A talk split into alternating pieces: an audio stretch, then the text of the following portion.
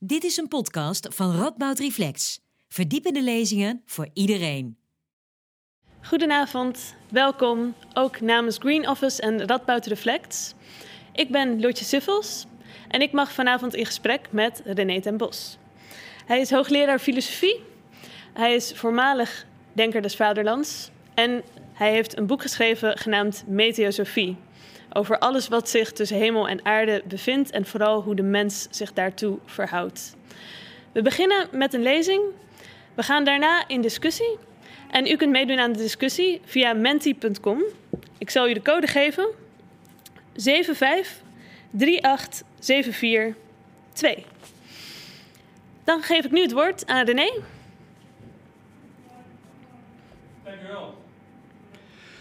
Ja, uh, een boek over meteosofie. Dat is natuurlijk een gekke titel. Het is een concept dat ik een beetje zelf bedacht heb. Het zal straks wel duidelijk worden welk soort concept het is. Maar zo'n titel die moet al meteen duidelijk maken dat het geen boek is over meteorologie. Want anders had ik dat wel in de titel opgenomen. Het is niet zozeer dus een boek over wat meteorologen doen. Het is veel meer een boek over wat uh, uh, filosofen van het weer hebben gemaakt. Dus van wat de oude Grieken omschreven als de meteoros. Dus uh, om die misverstanden meteen weg te nemen, en er bleken nogal wat misverstanden te zijn. Mensen wezen mij erop dat ik een bijdrage aan hun vakgebied, de meteorologie, had willen geven. Niets is minder waar, ik weet daar te weinig van. Claim ik ook geen deskundigheid op, maar ik kan wel enigszins nagaan wat uh, filosofen over meteorologie hebben geschreven. Daarbij blijkt overigens dat heel de lange tijd die filosofen de beoefenaren van de meteorologie waren. Maar dat verandert drastisch, zoals we zullen zien, ergens in de 17e eeuw. Dus um, dat, dat, dat zijn wat, uh, laten we zeggen, inleidende opmerkingen die ik hier wil maken. Uh, naar aanleiding van dit boek. Ik zie het boek zelf uh, als, als een boek dat past in die reeks die ik een paar jaar geleden begon met Dwalen in het Anthropoceen. Dat is een boek dat uh, gaat over die ecologische crisis die de wetenschappers meestal aanduiden met uh, Anthropoceen. Dat werd dan ook vervolgd door boeken als Het Volk in de Grot, dat wat minder aandacht heeft gekregen over het, het, het, het verschijnsel van fake news. Over het feit dat mensen de waarheid niet allemaal willen horen. En dan als metafoor die grot van Plato die daar een rol bij speelt. En, en, en extinctie. Uh, dat is een derde boek, dat gaat ook over zo'n ecologische catastrofe. En, en dat is dan het alomvigerende biodiversiteitsverlies. Nou, dit boek gaat uh, over wat mensen door de loop der eeuwen van het weer hebben gemaakt. Maar de prangende vraag is natuurlijk wel hoe wij met uh, die huidige crisis, die wij dan aanduiden als klimaatopwarming, omgaan. En daartoe was mijn idee in feite van hoe gaan wij überhaupt om met, met kennis van klimaat en kennis van uh, weersverschijnselen. Nou, dat heb ik gedaan. Er is in zekere zin ook nog een link met nog wat eerdere boeken. Hè. De methode die ik volg is gewoon uh, alles in de filosofie proberen op te zoeken wat, er over, wat die filosofen over weer hebben gezegd. Dat heb ik in het verleden eens een keer gedaan met het genialiteitsbegrip. Later nog eens een keer met het waterbegrip. Dat is een methode die een beetje aansluit bij het soort van onderzoeksmanier die je aantreft bij sommige filosofen van de zogenaamde Rietenschule, met name Hans Bloemenberg.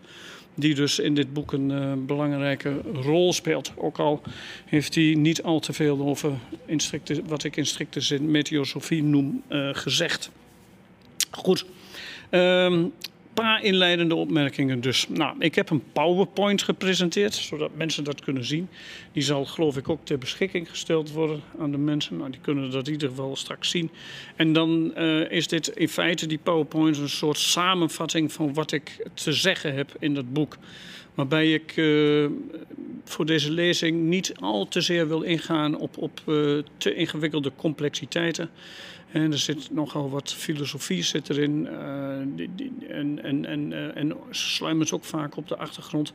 Die, die enigszins ontoegankelijk is. Maar die, uh, die wel een belangrijke rol speelt voor mijn denken over dit thema. Misschien dat ik daar straks nog een vraag over krijg. Um, goed, laten we gewoon beginnen en kijken wat het allemaal oplevert. En dan krijgt u, hoop ik, over 35 minuten een beetje een inzicht in waar uh, dit hele verhaal uh, om draait. Dus um, wat van meet opvalt, is dat iedereen die claimt op de een of andere manier kennis van het weer te hebben, ook in die oude Griekse tijd dus, eh, dat hij gewantrouwd wordt. Um, waarschijnlijk is de blijspeldichter Aristophanes uh, een van de grote uh, figuren die daarachter zit. Uh, het was een man die, die een, een, een, toneelstuk schreef, dat heet De Wolken. En in De Wolken worden filosofen, met name dus ook Socrates, opgevoerd als mensen die, die met hun hoofd in de wolken zitten. En die, omdat ze met hun hoofd in de wolken zitten, ook wolken gaan denken. En vervolgens over wolken ook wolkige dingen gaan zeggen. Die helemaal niets voorstellen. Dus mensen die in de oudheid claimden zich met zoiets ingewikkelds bezig te kunnen houden als het weer, dat waren mensen die doorgaans niet vertrouwd werden. Die werden charlatans genoemd, bedriegers, uh, sofisten, leugenaars enzovoorts. Nou, dat is eh, interessant. Nou, waar komt dat vandaan? Dat komt omdat er gedacht werd dat, dat mensen die met zoiets ingewikkelds bezig zijn, daar nooit met zekerheid over kunnen spreken. hun, dat wat ze zeggen zal nooit omgezet worden in, in echte kennis. en alleen maar de status van doxa krijgen. Dat is het oude Griekse woord voor mening. En dat betekent dus ook dat die mensen uh, niet uh, te, te, te, te, vertrouwen zijn. Een mooi woord dat ik tegenkwam in die literatuur was de meteorophenax.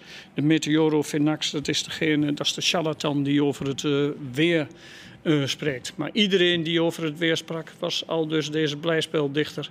Een, in, in feite een, een, een, een charlatan, een leugenaar kennis kon je wel hebben van de echte hemel. Dat wil zeggen de hemel die boven de lucht hangt. Dat wil zeggen van de sterren. De astronomie, dat was een onbetwijfelbare wetenschap. Men kon bijvoorbeeld de, de, een zonsverduistering precies voorspellen of de omloop van een ster kon men precies uh, weergeven. Daar gold kennis. Ook kennis van de aarde, dat was ook echt iets heel goeds. Dat kon men ook, uh, uh, daar, daar, was ook zekerheid mogelijk. Je hoefde de natuurwetten maar te bestuderen. En dan kon je dat allemaal een beetje begrijpen. Maar alles wat daar tussenin zit, tussen hemel en aarde in, daar vervalt in feite iedere claim tot zekerheid. Nou, ik, het is erg opvallend dat dat gebeurt, hè, al in die oudheid. En, en, en dat merk je dus ook aan, aan de manier waarop geschreven wordt. De wantrouwen tegen mensen die dus over weer schrijven, is, dus, is, is dus in zekere zin heel oud. Nou, even voor de duidelijkheid. Ik ga niet zeggen dat het wantrouwen nu bestaat met mensen die over het weer schrijven. Ik, uh, als wij naar buiten gaan met ons mobieltje en we checken de, de, de, de dan vertrouwen we daar meestal op.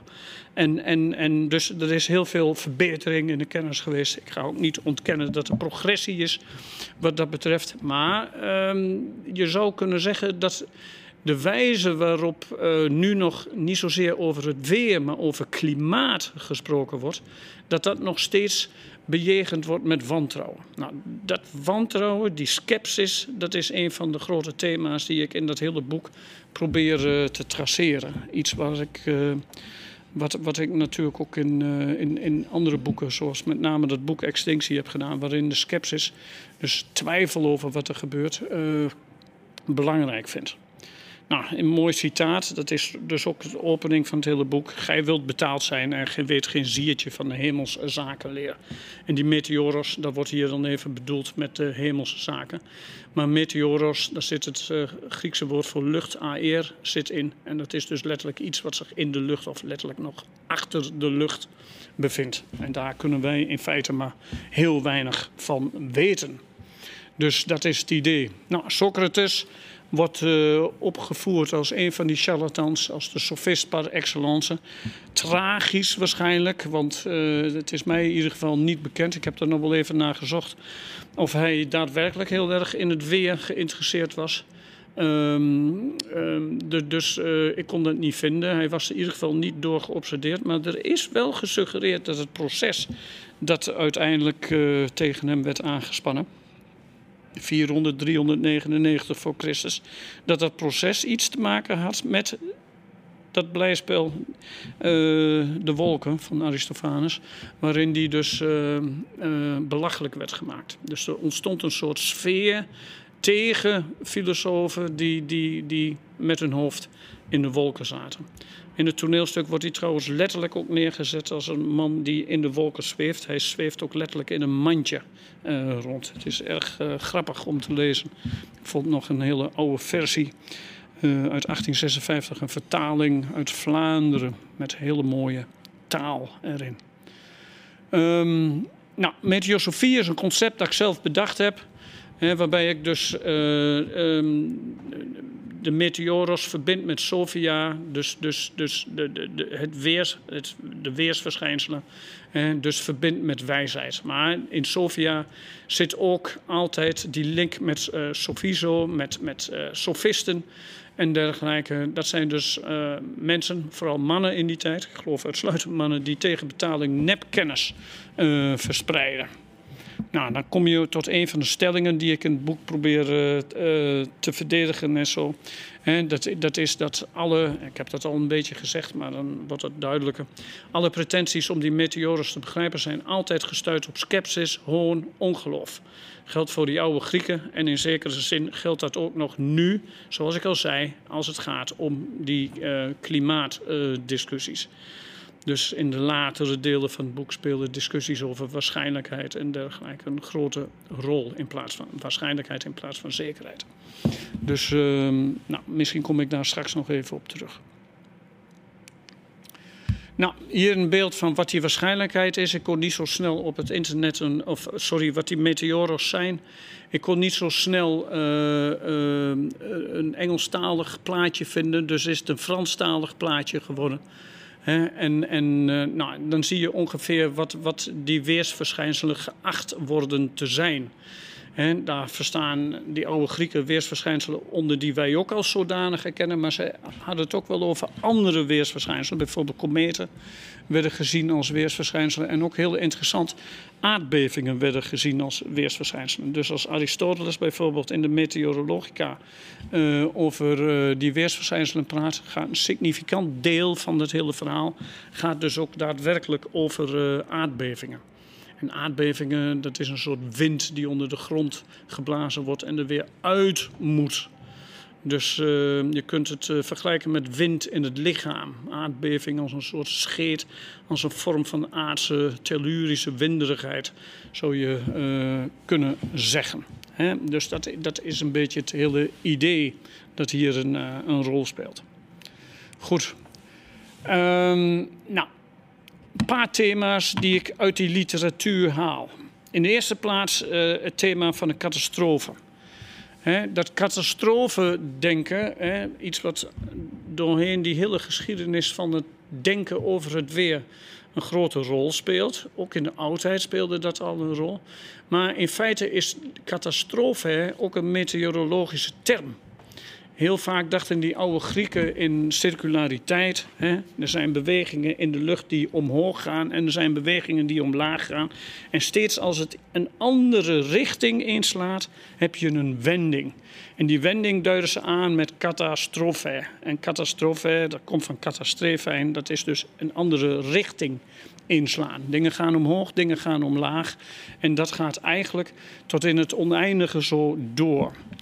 die circulariteit die, die, die zit erin. En in die wending zit altijd dus de, de, het, het, het, het catastrofale. nou, eh, ik denk dat als je die wereld van, van die oude Grieken voor zover ze in ieder geval geen atomisten waren, wilt beschrijven, dan zie je dus dat er een wereld is van uh, uh, uh, duwen, persen, dampen en uitwazemingen en dergelijke, die constant in elkaar duwen. Het zijn de elementen, de vier elementen die elkaar voortdurend in elkaar persen en dan gaat het op een gegeven moment gaat het een andere kant op. Hè? Dat, dat, dat, dat, tropai, wendingen heet dat dan bij Heraclitus bijvoorbeeld. En, en, en, en dan zie je dus dat, dat, dat er verschillen gaan ontstaan. Hè? En, en, eigenlijk probeer ik die Ionische filosofen, maar ook Aristoteles neer te zetten als mensen die proberen dat hele veld van de meteores uh, te beschrijven in termen van eindeloze differentiaties. Dus dat, dat, dat is een, uh, ook, ook, een, ook een belangrijk uh, thema. Waarbij principes als het koude en het warme en, en, en dat soort zaken allemaal een grote rol spelen.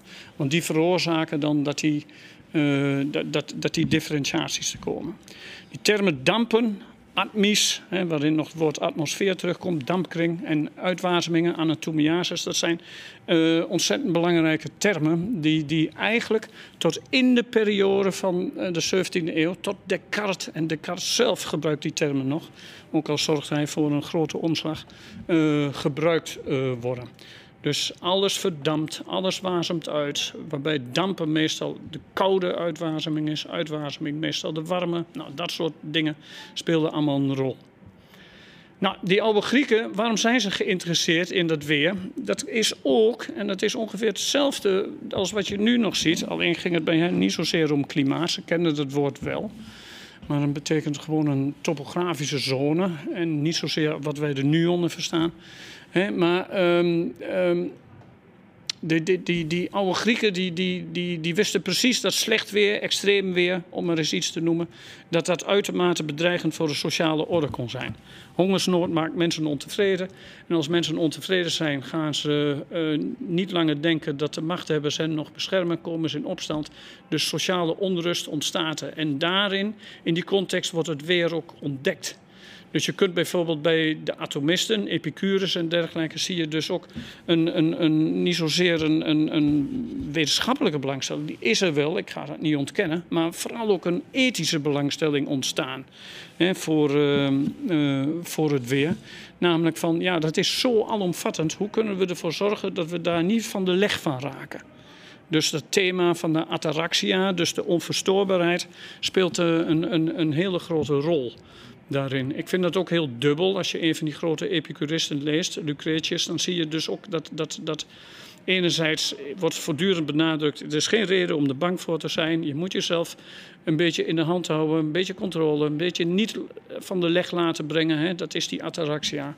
En tegelijkertijd zie je dus ook uh, dat, dat, als je Lucretius leest, dat is ook echt een onheilspellende tekst. Want als daarin over weersverschijnselen geschreven wordt, dan zijn het altijd indrukwekkende weersverschijnselen. Een, een, een bliksemschicht knalt niet zomaar, maar die knalt echt oorverdovend hard.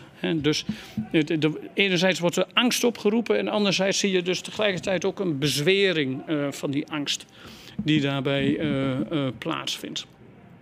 Nou, er zijn ook belangrijke theoretische discussies, bijvoorbeeld tussen de continuïteitsdenkers, Ionius of Aristotelici aan de ene kant, en, en de atomisten aan de andere kant.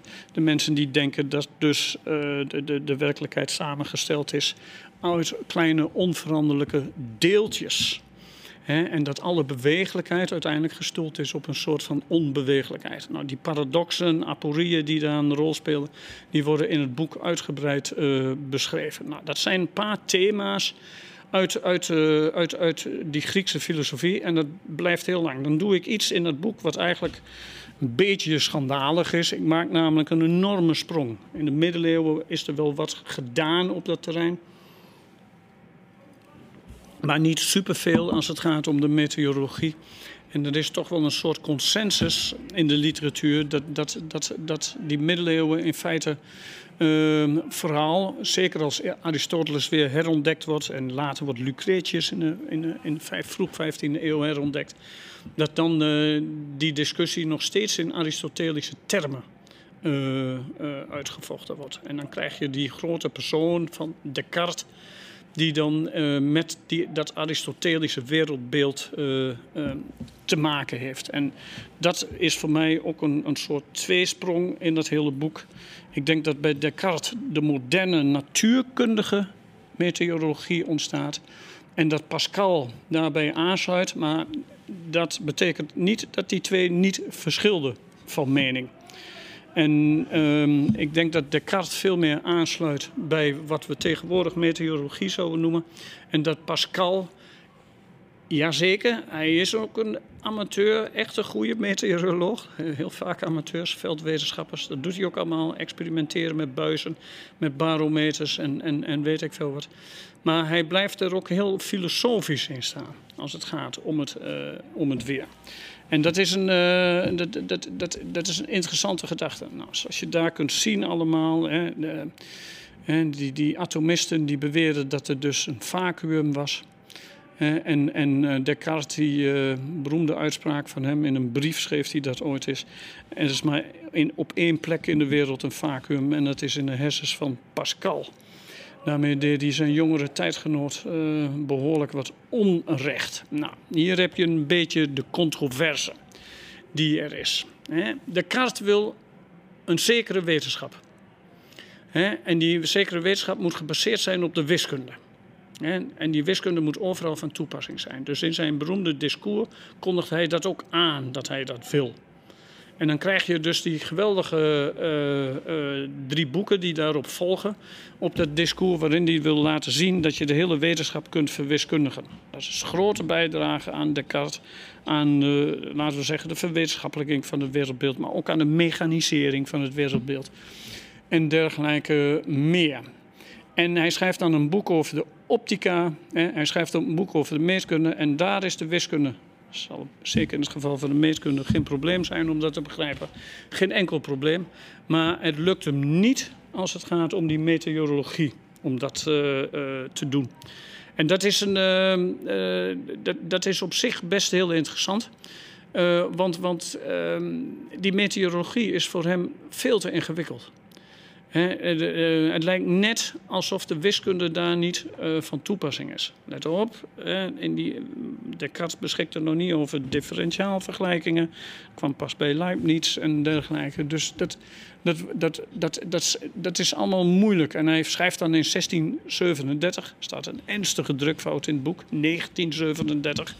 Dan kijk je dan met vier keer overheen en dan met drie mensen en niemand ziet het schaam je door. Maar goed, uh, dan, dan verzucht hij aan een vriend in een brief van uh, de meteorologie. Daar is geen wetenschappelijke kaas van te maken. C'est la philosophie puur. Hè. Het is de zuivere filosofie.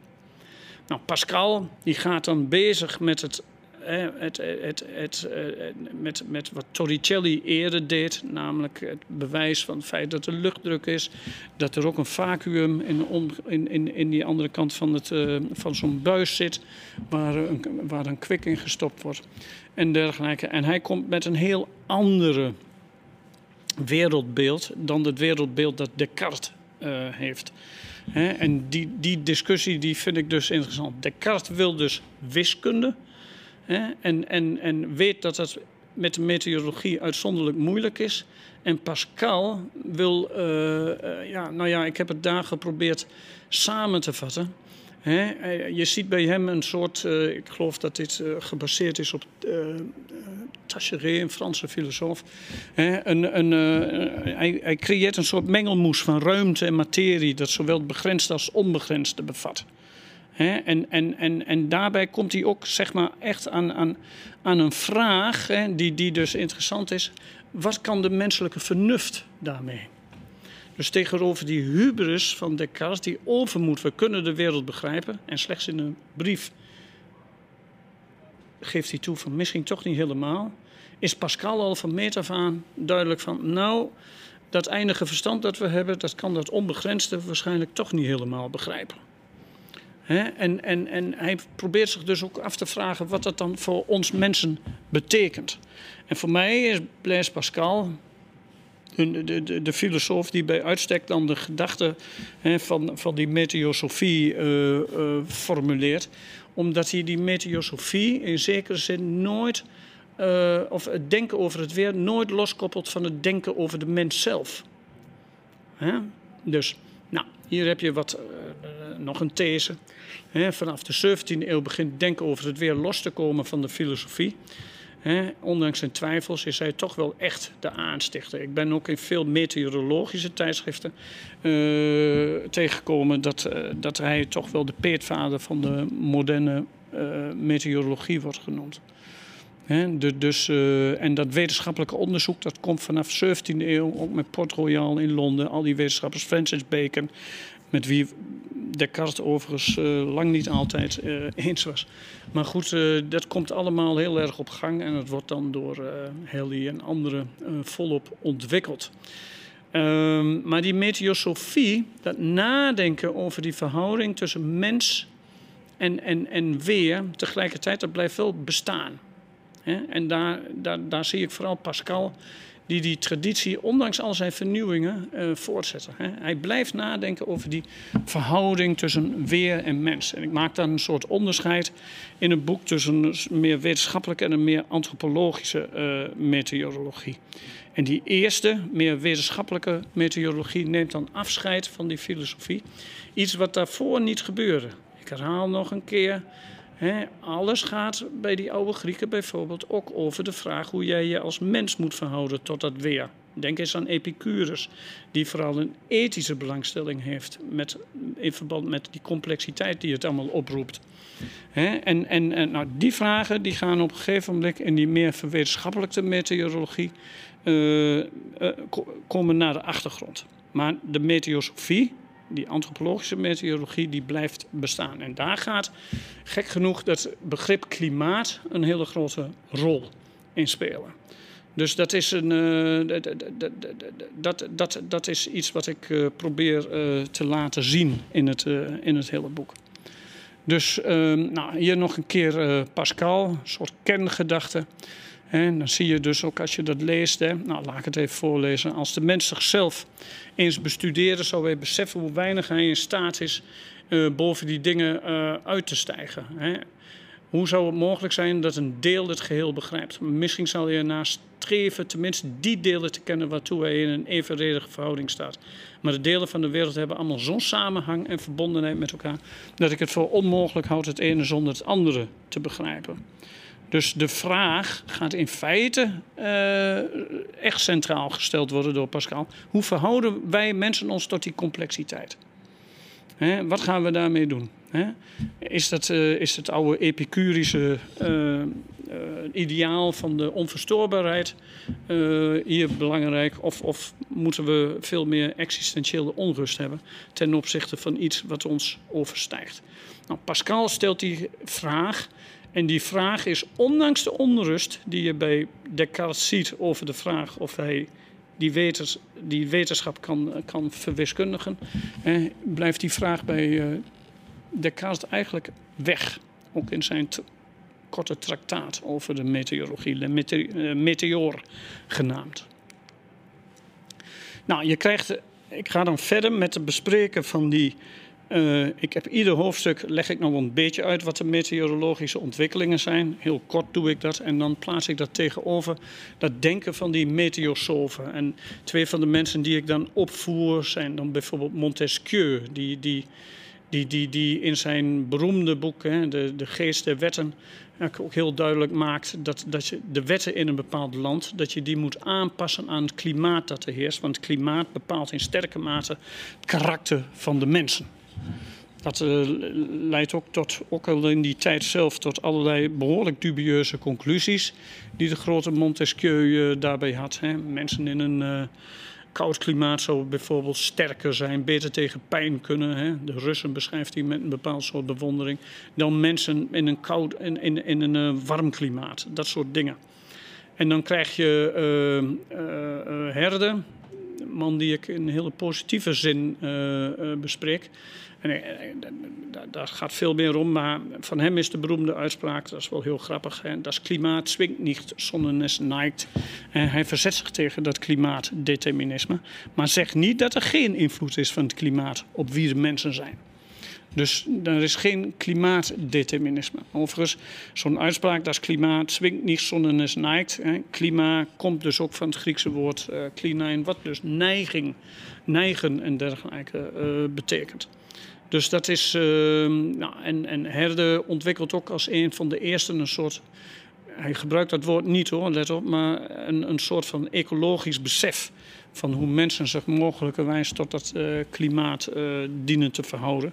En is in bepaald opzicht, uh, bijvoorbeeld door de Duitse filosoof Eva Horn, recentelijk ook wel genoemd als een van de wegbereiders van het echte ecologische denken.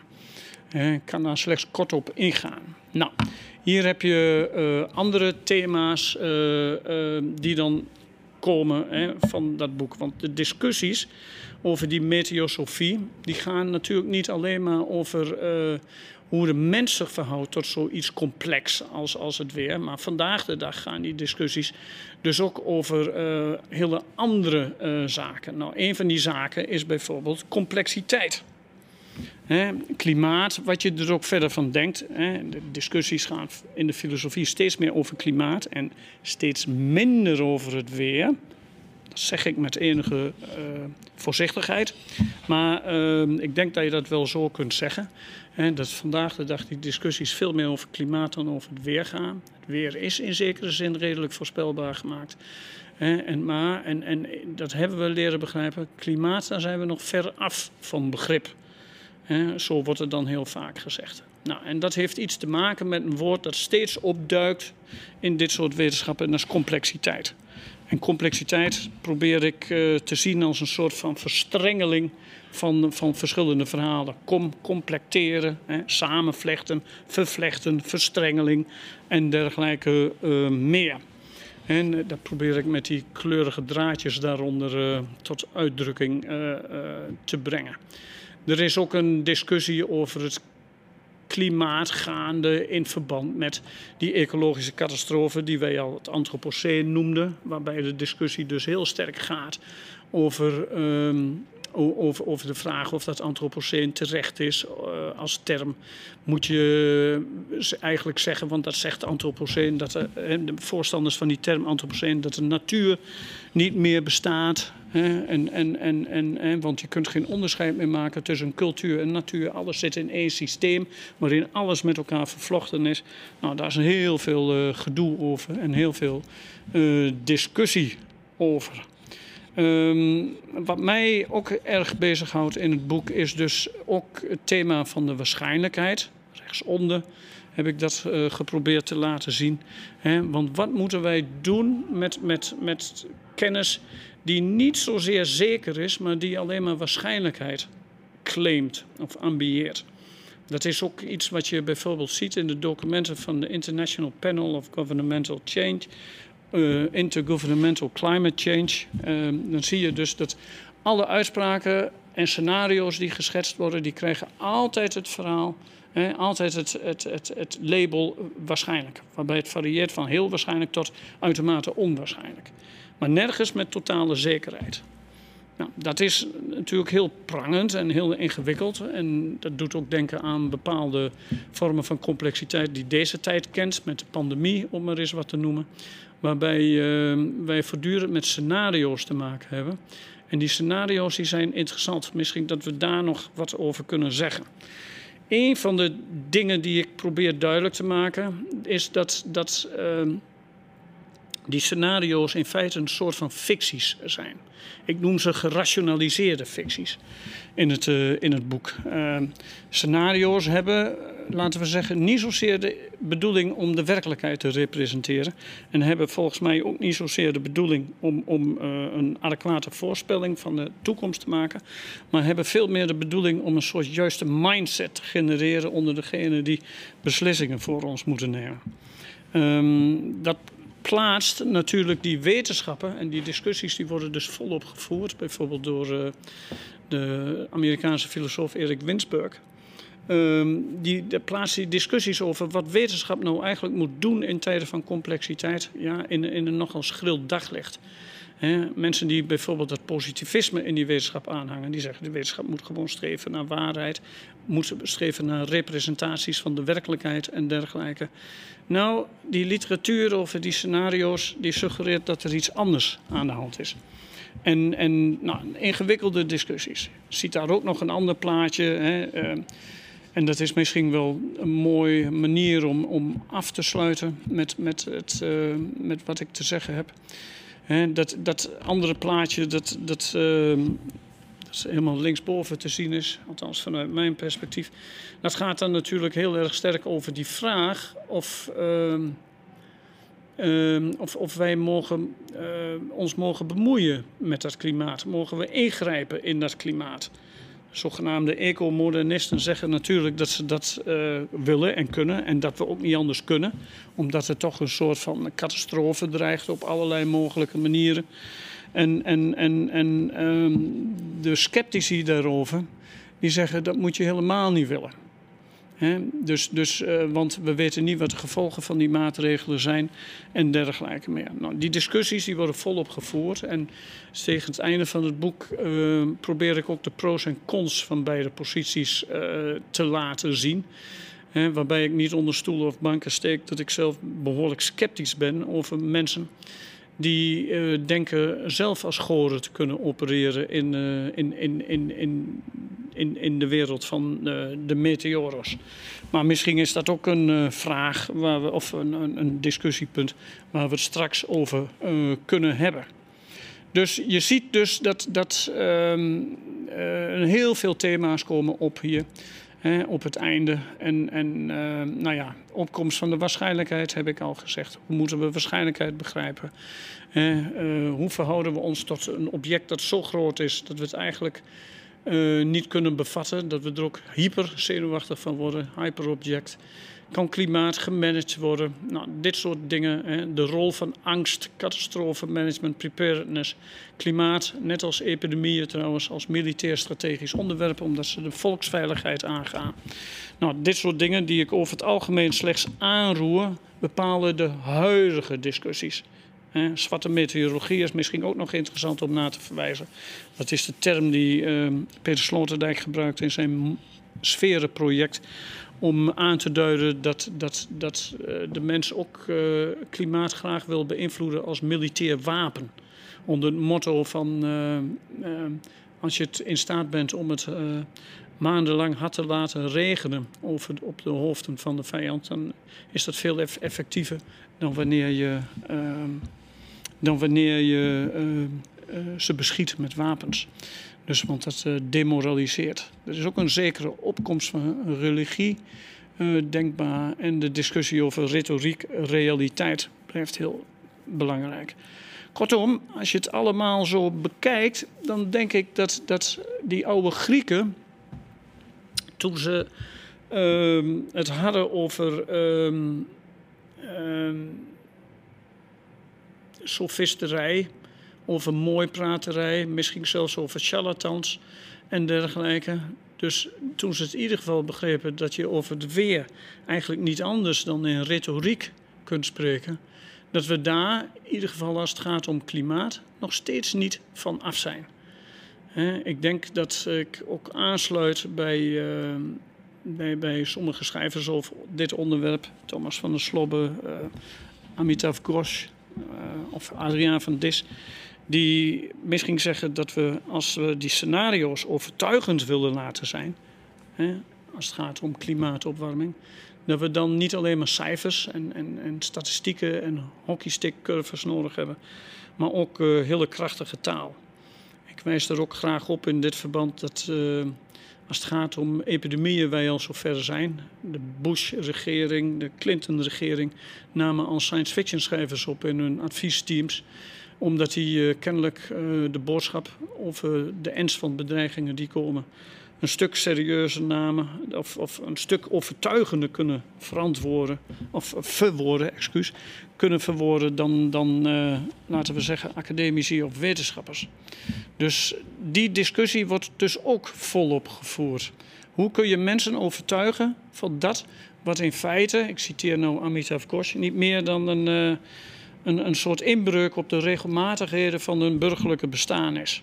Hoe kun je mensen echt van overtuigen in Nederland bijvoorbeeld dat die zeespiegel echt stijgt? Of dat er bijvoorbeeld echt een hurricane zal aankomen die het halve land onder water zet.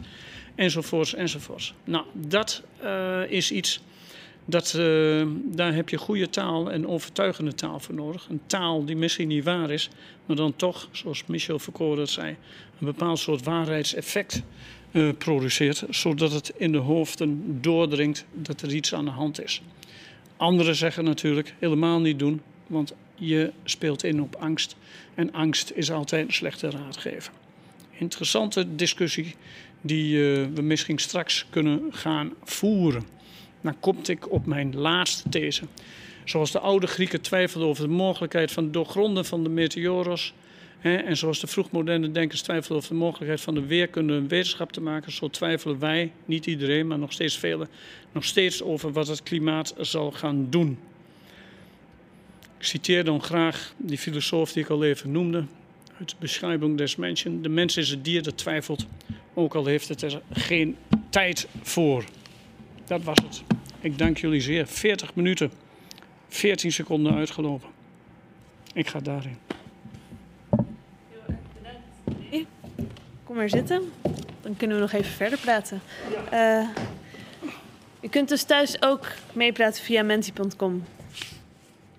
Um, ik wilde misschien zelf beginnen met een vraag. Um, uh, wat was de aanleiding voor het schrijven van het boek? Was dat de opwarming van de aarde en klimaatskepsis of was het al een andere aanleiding?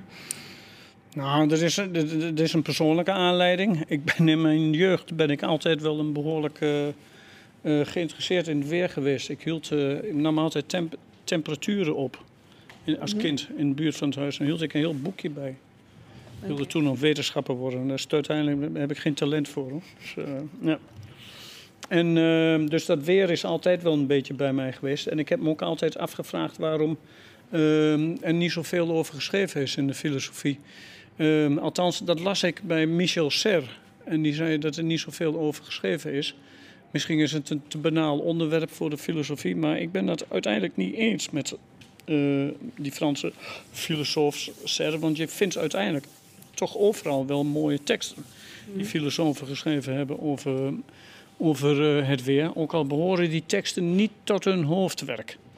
He, dus dus uh, niet veel mensen weten dat, maar Kant schreef bijvoorbeeld in zijn jonge jaren een echt meteorologisch traktaat over de passaatwinden en de moesson en, en, en, en die, nou ja, dat soort onderwerpen. Mm. Dus daar zijn ze echt wel uh, mee bezig geweest.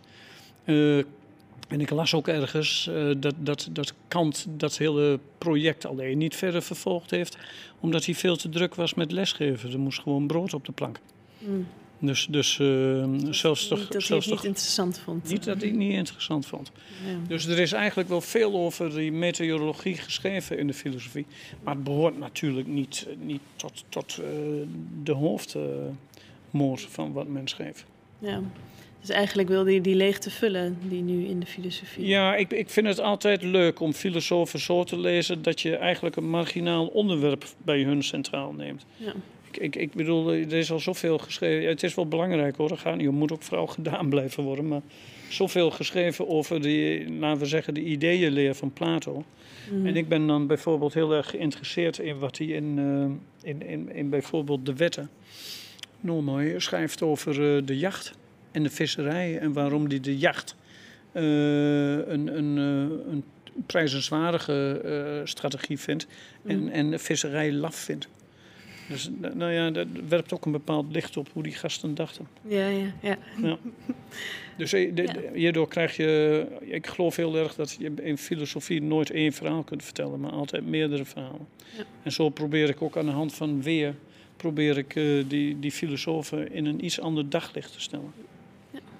Dus dat, één ding nog als ik mag, maar dat, bij Aristoteles zie je overal is Aristoteles de zekerheid zelf.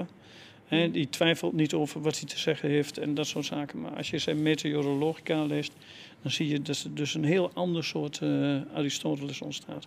Die heel veel beroep doet op anderen om verder te gaan met zijn onderzoek. Hij weet het ook allemaal niet precies. Uh, dat, nou, dat soort uh, dingen. Ja. Dat, is, dat, is, dat is heel grappig. Dat is interessant. Dus eigenlijk bij veel filosofen die heel zeker zijn op andere fronten, slaat de twijfel toe. Bij, ja, ja. En dat is dan de onzekerheid waar jij het over hebt. Over. Ja, nou ja, die onzekerheid die, die, die zit er overal uh, uh, bij hen in. Zelfs bij Descartes, hè, die, die toch dat, dat bijna overmoedige proces heeft om de hele werkelijkheid te verwiskundigen. En, en, en alles kennis te baseren op onbetwijfelbare, zekere kennis. Mm. En, en, en dan toch slaat de, de echte skepsis, niet de methodologische skepsis die hij vaak heeft, maar de echte skepsis over de meteorologie, die slaat dan echt bij hem toe. Ja. Dat is grappig. Dat is interessant. Ja, ik vond het ook interessant, voordat ik naar de vragen van het publiek ga. Um, dus dat, uh, dat ook leidde tot die ethische insteek, bijvoorbeeld bij de Epicuristen. Ja. Ehm, en ik vroeg me af, wat denk je dat we voor ethische les kunnen eh, trekken uit hoe we dan nu tegen het klimaat, nu we eigenlijk van die eh, onzekerheid naar dus meer het concept van waarschijnlijkheid gaan, als ik het goed eh, vertaal, wat je hebt gezegd. Nou ja, ik denk dat je van Epicurus en een Lucretius kunt leren de- de- de- hoe je je moet verhouden tot iets wat zo bedreigend is aan de ene kant, iets wat zo complex is. Maar, dat, maar het zijn niet alleen die filosofen. Ik wil ook niet meteen zeggen dat die onverstoorbaarheid, die een grote ethische ideaal is, Mhm. geluk als onverstoorbaarheid, dat dat, dat, dat, dat eh, eh, onze weg zou moeten zijn. Mhm. Maar eh, het, het, het is wel een manier om, om ermee om te gaan. Je, hebt, je, je ziet dus heel sterk dat hun, en dat maakt ze ook echt tot meteosofen, dat hun belangstelling eh, voor dit onderwerp, dat, dat, eh, dat die niet strikt meteorologisch is, maar vooral ook eh, de mensen als het ware aan te moedigen om niet helemaal ja, uit het lood geslagen te zijn van weer een onweersbui of een periode van slecht weer Ja. of, of iets dergelijks. De- er is voor alles een verklaring. Sterker nog, hè, dat, dat, dat, Frederik Bakker, eh, collega die werkt op de filosofiefaculteit, heeft dat in zijn werk over Epicurus mooi laten zien. Er is niet één verklaring. Er zijn eh, altijd wel verklaringen. Er zijn altijd meer verhalen. En die verhalen die moeten als het ware het gemoed dat zou kunnen overlopen, enigszins temperen. Zo, zo kun je het eigenlijk wel begrijpen. Ja. Maar in zekere zin ehm, is dat misschien ook een eh, les die je vandaag de dag mee kunt nemen. Want dat klimaat, dat, die klimaatdiscussie, dat leidt tot een ehm, behoorlijke emotionele opgefoktheid. Mhm. Iets wat ik eh, wel begrijp hoor. Ik, ik bedoel, eh, lees David Wallace Walsh en, eh, en, en andere schrijvers. Er is iets aan de hand. Ja. Ik ga het echt niet ontkennen. Mhm. En, en, en daar speelt angst vanzelf een rol mee. Dus als jij mij vraagt waarom schrijf je dat boek, ja, ja ik ben met ook deze hele reeks begonnen. Omdat ik toch ook wel eh, zorgen heb hierover. Ja. Ja. Dus, ehm, en en ehm, dus, dus, dus eh, die, die, die zorgen, die, ehm, ja, het is, nou ja, die zorgen die heb ik niet alleen. Dat is inmiddels ook wel duidelijk. Ja. Maar die wordt, eh, worden verder gedeeld. Maar ik ja, denk, ik ga eens kijken hoe dat hier ermee staat. Ja, in de filosofie.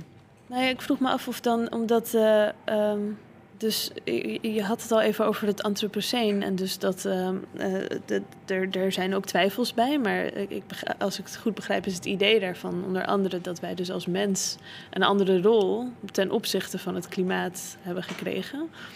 We zijn. eh, we hebben eigenlijk een soort een vorm van controle, of in ieder geval een vorm van invloed en misschien geen Ja.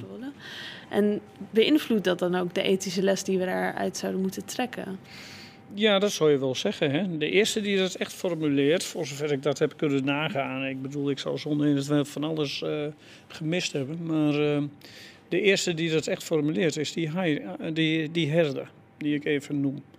Hè, in, in, in mijn lezing. En, en die spreekt ook echt van een klimatische Gemeinschaft. Waarbij die dus ook echt bedoelt dat mens en, en klimaat eh, één één vormen. En dat, dat, dat die invloed dus ook echt wederzijds is.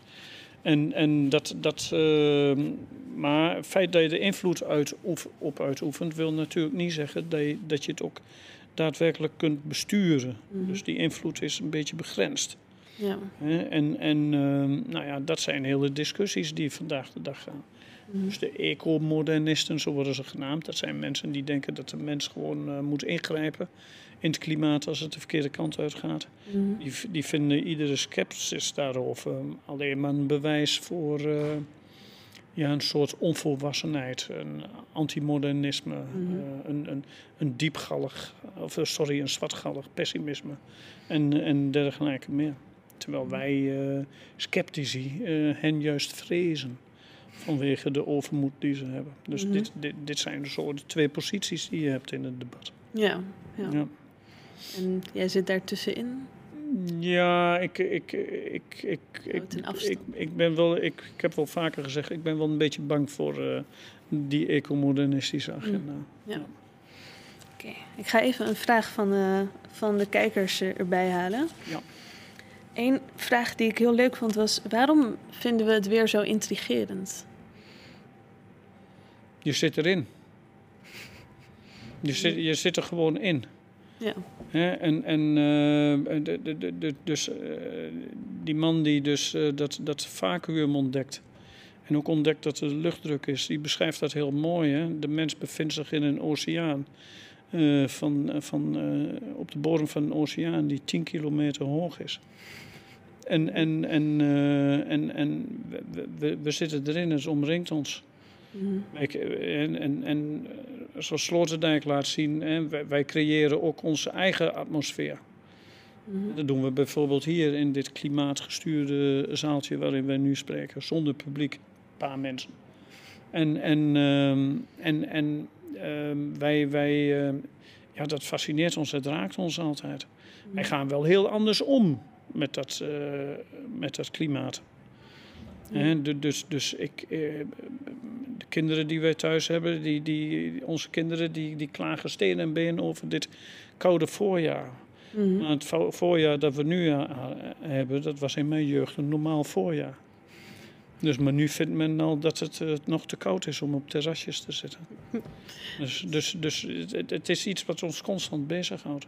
Mm -hmm. Ook, ook, ook uh, fenomenologisch. Ik moet ook altijd denken, in, zoals een heel belangrijk werk van Kant, Kritiek der Rijn en Vernoeft, dat hij gewoon in één keer gaat schrijven over regendruppels die op zijn armen valt. Mm. Wat, wat, wat neemt hij nou waar? Mm. He, dat, dat, dat is dan wat hij zich afvraagt. -hmm. nou, dat, dat, dat, dat kan een filosoof doen, maar dit, dit, dit, dat, dat het ons compleet uh, omringt en dat we er ja, erin zitten. Dat, dat uh, een in zijn, bijna zoals mm. Heidegger zou zeggen. Dat, dat, het is onze sfeer. Ja, ja. ja. Je kunt het eigenlijk niet van, van buitenaf beschouwen. Je moeten het alleen maar ervaren. Ja. ja. ja. Um, een andere vraag was: waarom moeten we denken over meteosofie? Oh, dat weet ik niet. Als, iedereen, als, iemand er niet over wil nadenken, dan moet je er niet over nadenken. Oké, okay, dus we moeten dus, niet Dus uh, nee hoor, denken, dat vind ik... Uh, Waarom vind jij het uh, intrigerend concept om erbij te halen? Ik, ik vind het... Ik, ben geïnteresseerd in de geschiedenis van filosofie en hoe filosofen over bepaalde onderwerpen hebben gedacht. Maar ik meen ook dat je uh, bepaalde discussies, bijvoorbeeld over het gebruik van retoriek en, en, en, en, en, en het gebruik van fictie, mm. hè, om, om het ondenkbare toch als het ware denkbaar te maken. Namelijk dat zo'n catastrofe daadwerkelijk gaat plaatsvinden. Dat moet in de hoofden geknopt worden volgens veel van die wetenschappers. Mm. Dus hoe maak je het ondenkbare denkbaar? Daar heb je bepaalde retorische strategieën voor nodig. En ik vind het heel frappant dat, dat, uh, dat die discussie al in het oude Griekenland een rol speelde, maar dat die tegelijkertijd nog steeds niet verstomd is. Ook al heeft hij nu niet zozeer als toen betrekking uh, op, op, op, op niet, niet zozeer betrekking op het weer, maar veel eerder op het klimaat. Maar die, die, dat, dat is frappant. En dat, dat is. Uh, kijk, als iemand dat niet interessant vindt, even goede vrienden. Ik wil ook wel met hem over voetbal, of haar over voetbal of iets anders gaan praten. Dat vind ik ook heel interessant. Ja. Dus het is geen verplichting? Nee, het is, het, het is geen verplichting. Maar ik, ik, kijk, die, die, die thema's die, die, die in dit boek voorkomen... dat zijn wel de thema's die, die straks uh, ook, denk ik... Uh, hoog op de, op de politieke agenda gezet gaan worden. Mm. En, en, uh, en, en, en, en steeds belangrijke rol gaan spelen. Dus je mag je daar, wat mij betreft, helemaal van afsluiten. Maar ik geloof dat ik enige achtergrond schets van uh, hoe die discussies gaan verlopen. En, mm. en, en hoe ze kunnen gaan verlopen. Ja. Um, een andere vraag was: waar past het personaliseren van het weer in uw verhaal? En uh, er staat nog een beetje uitleg bij. Zoals Moeder Aarde die ontstemd is. Hoe kunnen we de huidige discussie begrijpen in een transcendent en religieus kader? En dan staat er zelfs nog bij klimaatkerken. Ik begrijp de vraag niet helemaal, ja, maar... Ik begrijp hem denk ik half, maar volgens mij is het idee... Um, eh, ja, dus het moeten we een soort een religieus kader opwerpen om, om eigenlijk om te kunnen gaan met het weer. Nou ja, er zijn politici die spreken van een klimaatreligie. En dat is ja, waarschijnlijk precies om aan te duiden dat, dat, er, eh, dat er iets irrationeels in die, hele, in, in die hele discussie zit. Ja, dus dan is het een soort van belediging. Dan zou het een soort belediging zijn. Maar goed, er zijn filosofen genoeg, Agamben, Ser, die ook zeggen de wetenschap is de religie van onze tijd. Mhm. Ja. En, en eh, dus zo zou je er naar kunnen kijken. En lange tijd zijn weersverschijnselen gewoon eh, gedacht, eh, dat is van God, bemoei je er niet mee. Mhm. De, de, de, dus dus ehm, eh, die personificatie van het weer, dat ge- gebeurde vaak in de vorm van een deificatie van het weer. Mhm. Dus als, weer, op- als het weer slecht werd, dan was God, of Zeus bijvoorbeeld, in de, in, in de Griekse oudheid boos op je. En die, die, die wierp dan wat van die bliksemflitsen. En, eh, en, en die behoefte die blijft op een, hele, eh, ja, op, op, op een hele fundamentele manier bij veel volkeren bestaan. Tot, tot in de 18e eeuw en zelfs nog nu. En je mag bijvoorbeeld ook niet ingrijpen in het klimaat, omdat dat dus interfereren is in het domein van God. Hè, eh, toen Benjamin Franklin, dat heeft Jan Buisman in zijn boek over het onweer heel mooi laten zien, eh, de bliksemafleider, iets waarmee je levens spaart, uitvond, toen waren heel veel mensen erg boos, omdat dat de gerechte wraak en toorn van God eh, zo, zo ondermijnen. Hè, En, en dat, dat, dus, dus, dus ja, die, die, die personificatie is er altijd geweest. Zoals er ook een, een, een, een, een altijd een norm, en nog steeds tot op de dag van vandaag, niet alleen maar wetenschappelijke kennis over het weer is, maar ook enorm veel lekenkennis. Hè, ik, ik, ik, ik weet dat ik, ik heb een tijdje in Schotland rondgehangen om daar te vissen en zo. En met die, met die visserslui daar bij de hybride. Nou ja, die, die, die, die, die volgden het weerbericht wel heel nauwgelet. Maar die hadden allerlei eigen eh, reflecties en ideeën over het weer. Mhm. Die, die natuurlijk heel mooi en interessant waren. En, en, en, eh, en die dan ook dingen zagen eh, aankomen die ik in de verste verte niet zag. En, en dat, dat deden ze dus op een andere manier, dat ze ja, ja. voorspellingen deden. Ja, ja, het zijn niet echt voorspellingen. Maar wel, eh, kijk, daar komt iets aan, we moeten terug. Nou ja. Hm? Dus En, en, eh, en, en dat, dat, dat- nou ja, die discussies worden volop gevoerd. Eh, over, eh, ja, ook, ook, eh, dat, dat, eh, ik, ik heb het daar ook wel over hoor, in het boek. Spelen, vooral in het begin heb ik het nog wel over de invloed van lekenkennis. Dat bijvoorbeeld ook heel veel mensen altijd hebben geprobeerd om te leren van het gedrag van dieren. Om te weten wat er met dat weer gebeurt. Dus, dus eh, het verzamelen van kennis of het verzamelen van inzichten over het weer is nooit alleen maar voorbehouden geweest aan, aan de weerkundigen. Dus eh, leken speelden een rol. Als ik daar nog één opmerking over mag maken. eh, als zaken heel complex zijn, bijvoorbeeld eh, zoals bij biodiversiteit, zie je dat de wetenschap steeds vaker gebruik gaat maken van lekenkennis. Dus worden gewoon mensen die niet op de academie werken, bij wijze van spreken, eh, ook gevraagd om mee te doen met tellingen en, en dergelijke. Dus, eh, en dat zie je ook, ook bij dit soort wetenschappen gebeuren. ja, ja, dus, dus Ja. juist misschien specifiek wel een onderwerp wat veel... Nou, het is interessant, die lekenkennis. Mm, laat me even een andere vraag erbij halen. Ehm, hier, één iemand vraagt zich af: eh, klimaat is plaatsgebonden ehm, en een lange termijns kwestie, maar het weer is een korte termijns kwestie. En de vraag is: waarom hebben we het als filosofen over het weer? Ik denk dat de implicatie is: zouden we het als filosofen niet alleen maar over de langere grotere onderwerpen zoals het klimaat moeten hebben. Ah, je ziet vandaag wel dat eh, vandaag dag wel dat we ehm, het steeds minder over het weer hebben in de filosofie. Ik denk dat je dat wel kunt zeggen, hoewel het weer ehm, bijvoorbeeld in de fenomenologie nog uitgebreid bediscussieerd wordt. En, eh, en, en, en weer en ontologie kun je bijvoorbeeld ook heel mooi samen eh, nemen. Of eh, weer en, en, en, nou ja, je hebt wetenschapsfilosofie. En er verschijnen ook echt teksten die wetenschapsfilosofisch over de meteorologie ha- handelen. Dus Ja. filosofen blijven over het weer discussiëren. Maar de, maar de, de, de urgentie gaat nu vooral uit naar extreem weer, die het gevolg van eh, opwarming, klimaatopwarming zou zijn.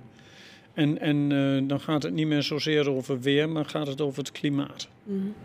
Nou, en, dan, dan, en daar zie je een, eh, een, een, een, een nieuw soort complexiteit ontstaan.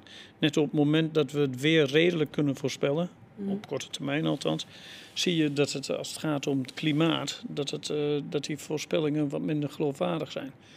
Ten, maar aan de andere kant, dat is een aporie die ik natuurlijk wel in het boek beschrijf. Eh, de meesten zijn er wel van overtuigd dat wat er gaat komen, dat het niet eh, heel erg prettig is. Mhm. Hè? En, en ehm, alleen, het is moeilijk om dat echt hard te maken. Mhm. Dus, dus eh, je, je, je, je moet, mm, als je daar mensen voor wilt waarschuwen. Ik denk hier bijvoorbeeld aan onze Delta-commissaris Peter Glas. Met wie ik wel eens een eh, praatje heb gehad. Als je mensen in Nederland ervan wilt overtuigen dat de zeespiegelstijging er is. Mhm. Dan, eh, ja, dan moet je ze eigenlijk op iets voorbereiden waarvan je niet 100% zeker weet of het gaat gebeuren. Ook al zie je de consequenties nu al. Mhm. Ja. En, en eh, je ziet dus ook eh, dat, dat ehm, ja, ergens helemaal achterin in het boek, het laatste hoofdstuk, schrijf ik al dat het ondenkbare al daadwerkelijk aan het gebeuren is. Mhm. Dus eh, er is laatst een rapport eh, verschenen bij de VN dat, dat, waaruit duidelijk werd dat alle humanitaire catastrofes, voor, ik meen dat getal, zeg het uit mijn hoofd hoor, 83% is klimaatgerelateerd. Ja. Ja. En, en, ehm, en, en dat, dat eh, dus bijvoorbeeld ehm, de, de, de, de oorlog in Syrië. Dat is een voorbeeld, daar ken ik nogal wat studies van, die, die echt gelinkt worden aan klimaatopwarming. Die droogte en, eh, veroorzaakt hebben. Precies waar de oude Grieken al bang voor waren. En dus grote sociale onrust. En mensen raken op drift. Ja. Dus eh, het, het lastige is, we kunnen mensen eigenlijk niet overtuigen van het ondenkbare, ondanks dat het al denkbaar is, want het gebeurt al. Het is, Ja, ja, het is al her en der zichtbaar. Alleen, eh, ja, dan moet ik altijd denken aan, eh, aan, aan wanneer is een catastrofe overtuigend genoeg. Ja. Dat, dat, dat, dat is het. Hè. De, de, de, enige catastrofe die iedereen overtuigt, zei eh, Peter Sloterdijk, eredokter aan deze universiteit. Ooit eens is de catastrofe die niemand overleeft. Mm, mhm. Ja, dat is natuurlijk een beetje een somber vooruitzicht. Hoewel ik is- het wel een erg grappige opmerking vond. Het is, eh, het is eh, ook zwartgallige humor. Laten we het is zwartgallige humor, ja. Ehm, laat me nog even kijken naar de volgende vragen. Ehm,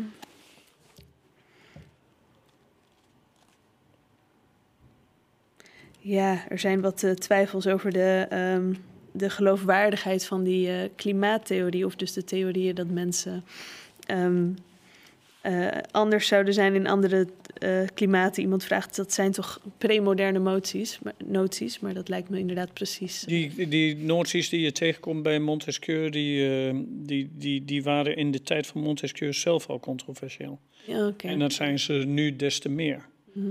Ik bedoel, eh, daar, daar zit een, eh, een eh, onverholen racisme en, en, en dergelijke eh, zit daarin. Is dat, Ja.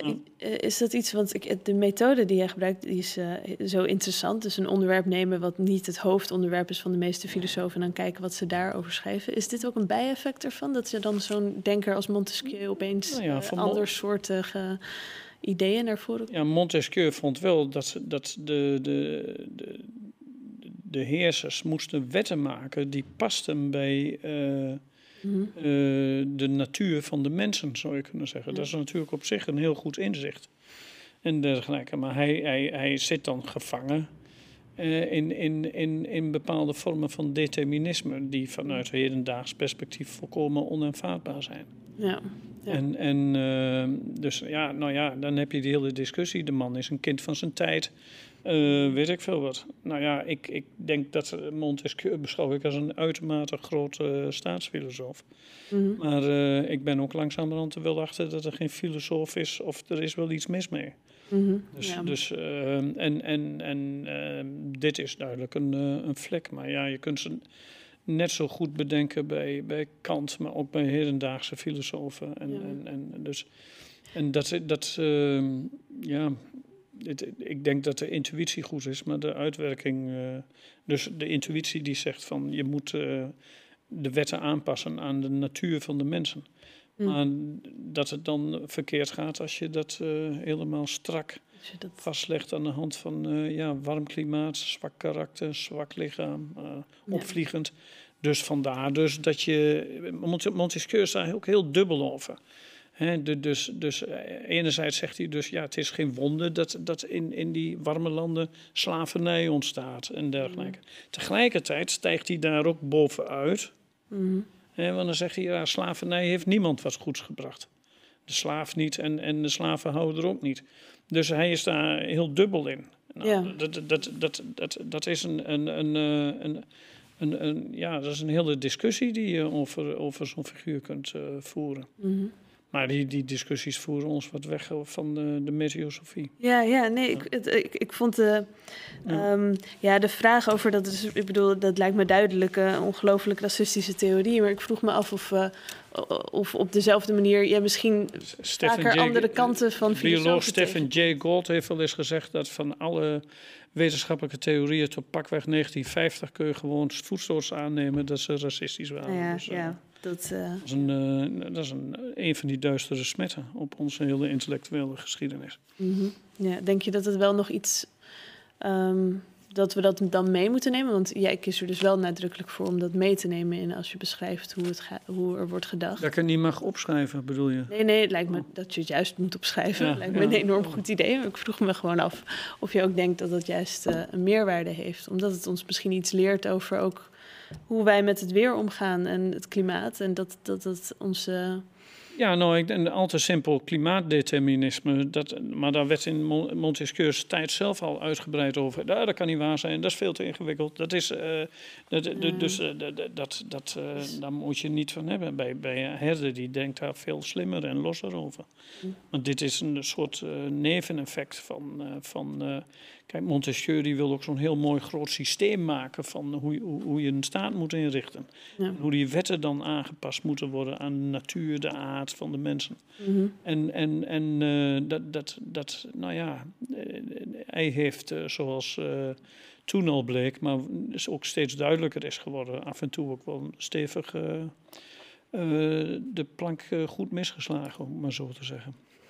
Ja, het, ik, ik vond het ook interessant omdat jij lijkt een, een voorstander te zijn van de filosoof. Maar dat, dat, dat is mijn interpretatie van hoe ik naar jou luister misschien. Maar een voorstander te zijn van de filosofen die het, het klimaat niet willen versimpelen. Die het niet te eenduidig willen maken. Die accepteren dat die complexiteit en onvangbaarheid er is. Ja. En, eh, dus niet de Descartes, maar liever de Pascal. Is dat... Ja, Pas- dat? ja Pascal, daar, daar heb ik wel wat meer. Maar ik ben een groot bewonderaar van Descartes, hoor. Laat dat eh, ook helder zijn. Geen, Ik eh, bedoel, je, als je, als je, ik, ik weet dat ik dat las. Ik wilde ooit een proefschrift schrijven over Descartes. Daar is nooit van gekomen. Ik had de discipline kennelijk niet toen. Maar eh, ik heb wel heel veel gelezen. En ook die werken over Descartes in die Franse literatuur. Gerroux, Gilson. En, en ehm, ik, ik was eh, altijd toch wel heel erg ehm, onder de indruk van wat hij aan het doen is. mhm. En er zitten allerlei addertjes onder het gras bij hem. Maar, hij, hij, eh, maar eh, kijk, hij is wel iemand. eh, je- als je de openingsalinea van zijn boekje over de meteoren leest, Mhm. zo verbluffend mooi. Dat is Ja. echt. Mhm. Ja. de man kan, die kon bijvoorbeeld zo waanzinnig goed schrijven. Het is eigenlijk heel gek dat hij. eh de Leuze heeft wel eens gezegd dat, dat, dat versimpeling. Of eh, het, het simpele de gezel is die door het hele Cartesianisme heen trekt. Mhm. En, en is in, feite is dat, is, is dat dus jammer, want, eh, want, want ik, ik, hij, hij- ja, de- hij, hij, hij schrijft dingen op. Wauw, dat is echt heel mooi. Mhm. Dus, dus, dus ik heb een hele dubbele houding ten opzichte van Ja, Descartes. ja, ja. Ja. Ehm, een andere vraag van een kijker. U geeft kennelijk de voorkeur aan existentiële onrust boven onverstoorbaarheid. Betekent dit dat u denkt dat mensen toch een wezenlijke invloed kunnen uitoefenen op het weer of het klimaat? Nee, dat denk ik niet. Ik weet ook niet of ik dat doe. Uh, degene die deze vraag stelt, die moet goed uh, begrijpen dat ik niet uh, s'nachts slapeloos in bed lig. Nee? En nee, nee, dat, dat ja, soms. Maar dan ligt het soms ook aan iets anders. Dus, dus um, sommige dingen zijn ook te groot om je er constant druk over te maken. Mm. Dus dat, dat heb ik wel. En ik heb zeker wel iets uh, geleerd van uh, die, die, die, die, die onverstoorbaarheid. Die, die ik, die ik een, toch wel een heel interessant uh, ethisch doel zou vinden voor mensen. Ja. Dus niet meteen overal invliegen en, en een beetje afstand houden. Klein beetje uh, wachten voordat je je oordeel meteen klaar hebt. Mm. En, en, en dergelijke meer. Dus nee, de, de, de, de, de ataraxia als, als iets wat, bij, wat je bij de epicuristen en ook bij uh, de, de, de sceptici tegenkomt. Dat heeft mij wel op een bepaalde manier ook wel beïnvloed. Ja, ja. Maar het is een, uh, dat is niet van meet af aan, dat komt in de loop der jaren. Dus dat je, dat je, wat makkelijker omgaat met mensen die het niet met je eens zijn en dat soort dingen. Dus, uh, dat, dat, dat, uh, dus ja, je, je, het heeft geen zin om je constant druk te maken. Hm. Dus, dus, uh, maar tegelijkertijd uh, schippen je, laveer je tussen die onverstoorbaarheid en ook wel die onrust. -hmm. Ik bedoel, wij reageren toch al behoorlijk panisch op een epidemie. En, en uh, wat gaat er straks gebeuren als we uh, met de pandemieën te maken krijgen die het gevolg zijn van klimaatverandering? Mm -hmm. Die worden allemaal voor, voorspeld. Ja. Dus wat gaat dat betekenen voor uh, het, het leven en bestaan van vooral jongere mensen? Mm -hmm. Dus dat zijn wel vragen die mijn kinderen mij af en toe wel stellen. Mm -hmm. Dus, dus, dus en daar heb ik niet zo goed een antwoord op. Natuurlijk, uh, ik, ik, ik, mocht laatst een, een, verhaal over dit thema vertellen voor een groep van de PvdA. Mm. Bij die Sociaaldemocraten bestaat nog echt het idee, nog altijd, dat ouders konden garanderen dat hun kinderen het beter krijgen.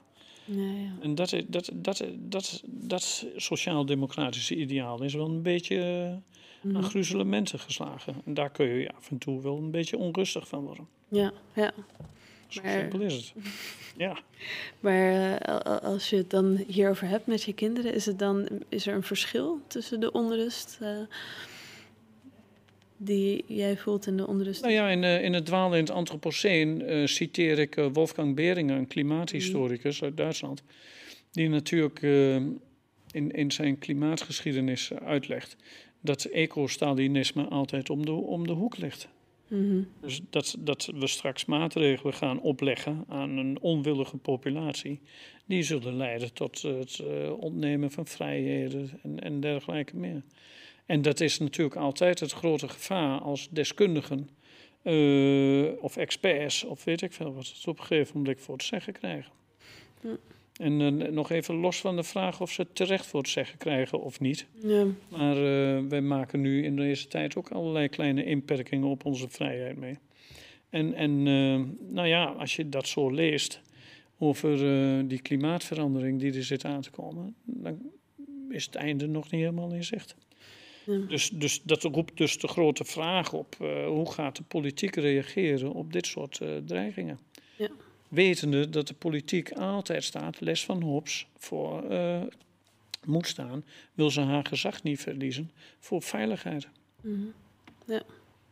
Ja, ik ben misschien om het dan, eh, want we moeten alweer de laatste vraag stellen.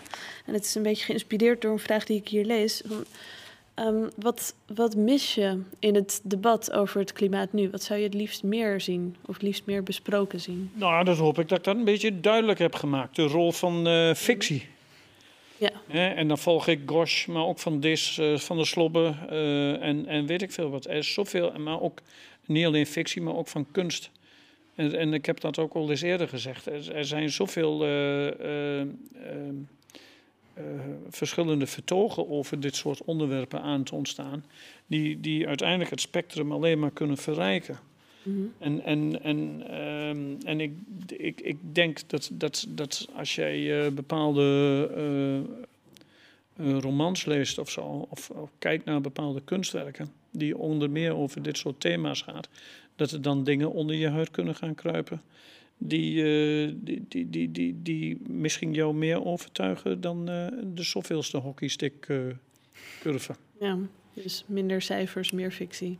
Ja, nou, dat, ik ben ook heel duidelijk daarover. Dat, dat cijferwerk moet gedaan worden hoor. Dus ik ben, ben, wat dat betreft niet uh, irrationeel. Nee, nee, maar, maar in, in, de discussie zelf. Maar in de discussie moet, moet, moet een ander soort. Uh, um, ja, dan moet naast die wetenschappelijke taal ook een andere soort taal ontstaan. Ja. En dat is ehm, waardoor dat. Nou ja, kom ik weer terug. Waardoor dat ondenkbare toch langzamerhand enigszins denkbaar wordt. Ja. Oké, heel erg bedankt voor dit gesprek en de geweldige presentatie. Um, en bedankt voor het schrijven van het boek. Graag gedaan. Ik uh, dank ook alle kijkers namens uh, Green Office en Rad Buiten de Flex. En hopelijk tot een volgende keer bij uh, Rad Buiten de Flex. Fijne avond.